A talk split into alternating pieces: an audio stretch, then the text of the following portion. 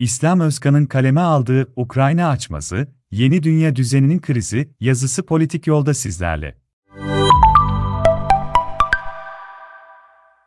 Yeni dünya düzeninin kriz yaşadığına ilişkin tartışmalar elbette son Ukrayna krizinde ortaya çıkmış değil ancak Amerikan yönetiminin zaaf emareleri gösterdiği konusundaki tespit ve gözlemlerin sayısı son dönemde giderek artıyor. Bu süreç, Amerika Birleşik Devletleri hegemonyadan yaşanan zaaf nedeniyle uluslararası düzende meydana gelen krizin Amerika Birleşik Devletleri yanlısı mahfillerde bile zaman zaman dile getirilmesine yol açıyor. Ancak meselenin doğru ortaya koyulması ve basit bir şekilde ele alınmaması önemli.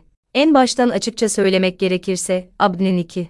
Dünya Savaşı'ndan sonra kurmuş olduğu ve SSCB'nin yıkılmasıyla kendini restore eden yeni dünya düzenindeki çatırdamalar, büyük ölçüde Abd'nin temsil ettiği liberal demokraside zaaflara yol açarken, liberal demokrasinin yıpranması da Amerika Birleşik Devletleri hegemonyasının surlarında çatlaklar oluşmasına yol açtı.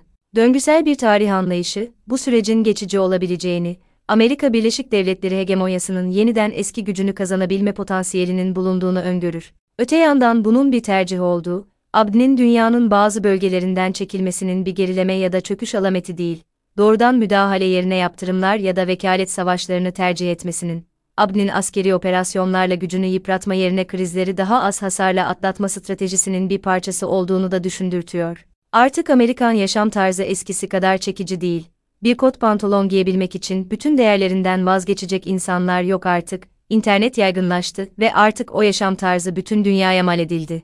Artık herkes ona sahip. Hollywood bile artık eski cazibesini yitirdi. Evet, dünya sinema endüstrisinin kalbi hala labde atıyor ama Hollywood artık rakipsiz değil. Geriye kala kala bir askeri güç kalıyor. ABD'yi diğer dünya güçlerinden farklı kılan, dünyanın her köşesine yayılan 800 askeri üssüyle Amerikan halkına ve dünya çapında milyonlarca kişiye muazzam bir maliyet getiren eşsiz askeri gücü.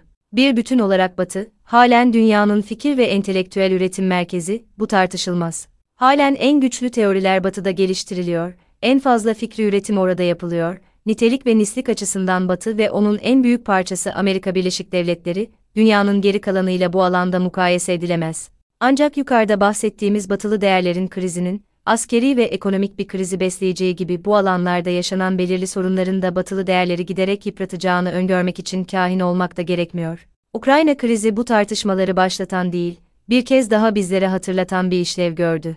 Elbette Amerika Birleşik Devletleri bir taraftan bastırıyor ve Biden, Rus yönetimini bunaltacak yaptırımlar uygulayacağını söylüyor. Ancak Putin'in örneğin Donetsk ve Luhansk bölgelerinin bağımsızlıklarını tanıdığına ilişkin kararnameyi aniden imzalaması, ve dahası batılı ülkelerin onca tehdidine rağmen oldukça radikal kararlar almayı göze alması, Amerika Birleşik Devletleri ve Batı'nın eskisine nazaran kaybettiği ve bunun Abd'nin küresel rakiplerince hissedildiği yönünde bir izlenim bırakıyor. Belki de zayıflayan Amerika Birleşik Devletleri değil, Sovyetlerin yıkılmasından sonra yavaş yavaş toparlanarak kendisini uluslararası düzende daha da hissedilebilir hale getiren Rusya'nın güçlenmesidir. Abd'nin zayıfladığına dair tartışmalar, sadece denge, siz ve tutarsız siyasetlerle Amerikan yönetiminin kurumsallığının aşınmasına ve bazı alanlarda Amerikan imajını yerle bir eden Trump'ın başkanlığı sırasında yaşananlarla sınırlı değil.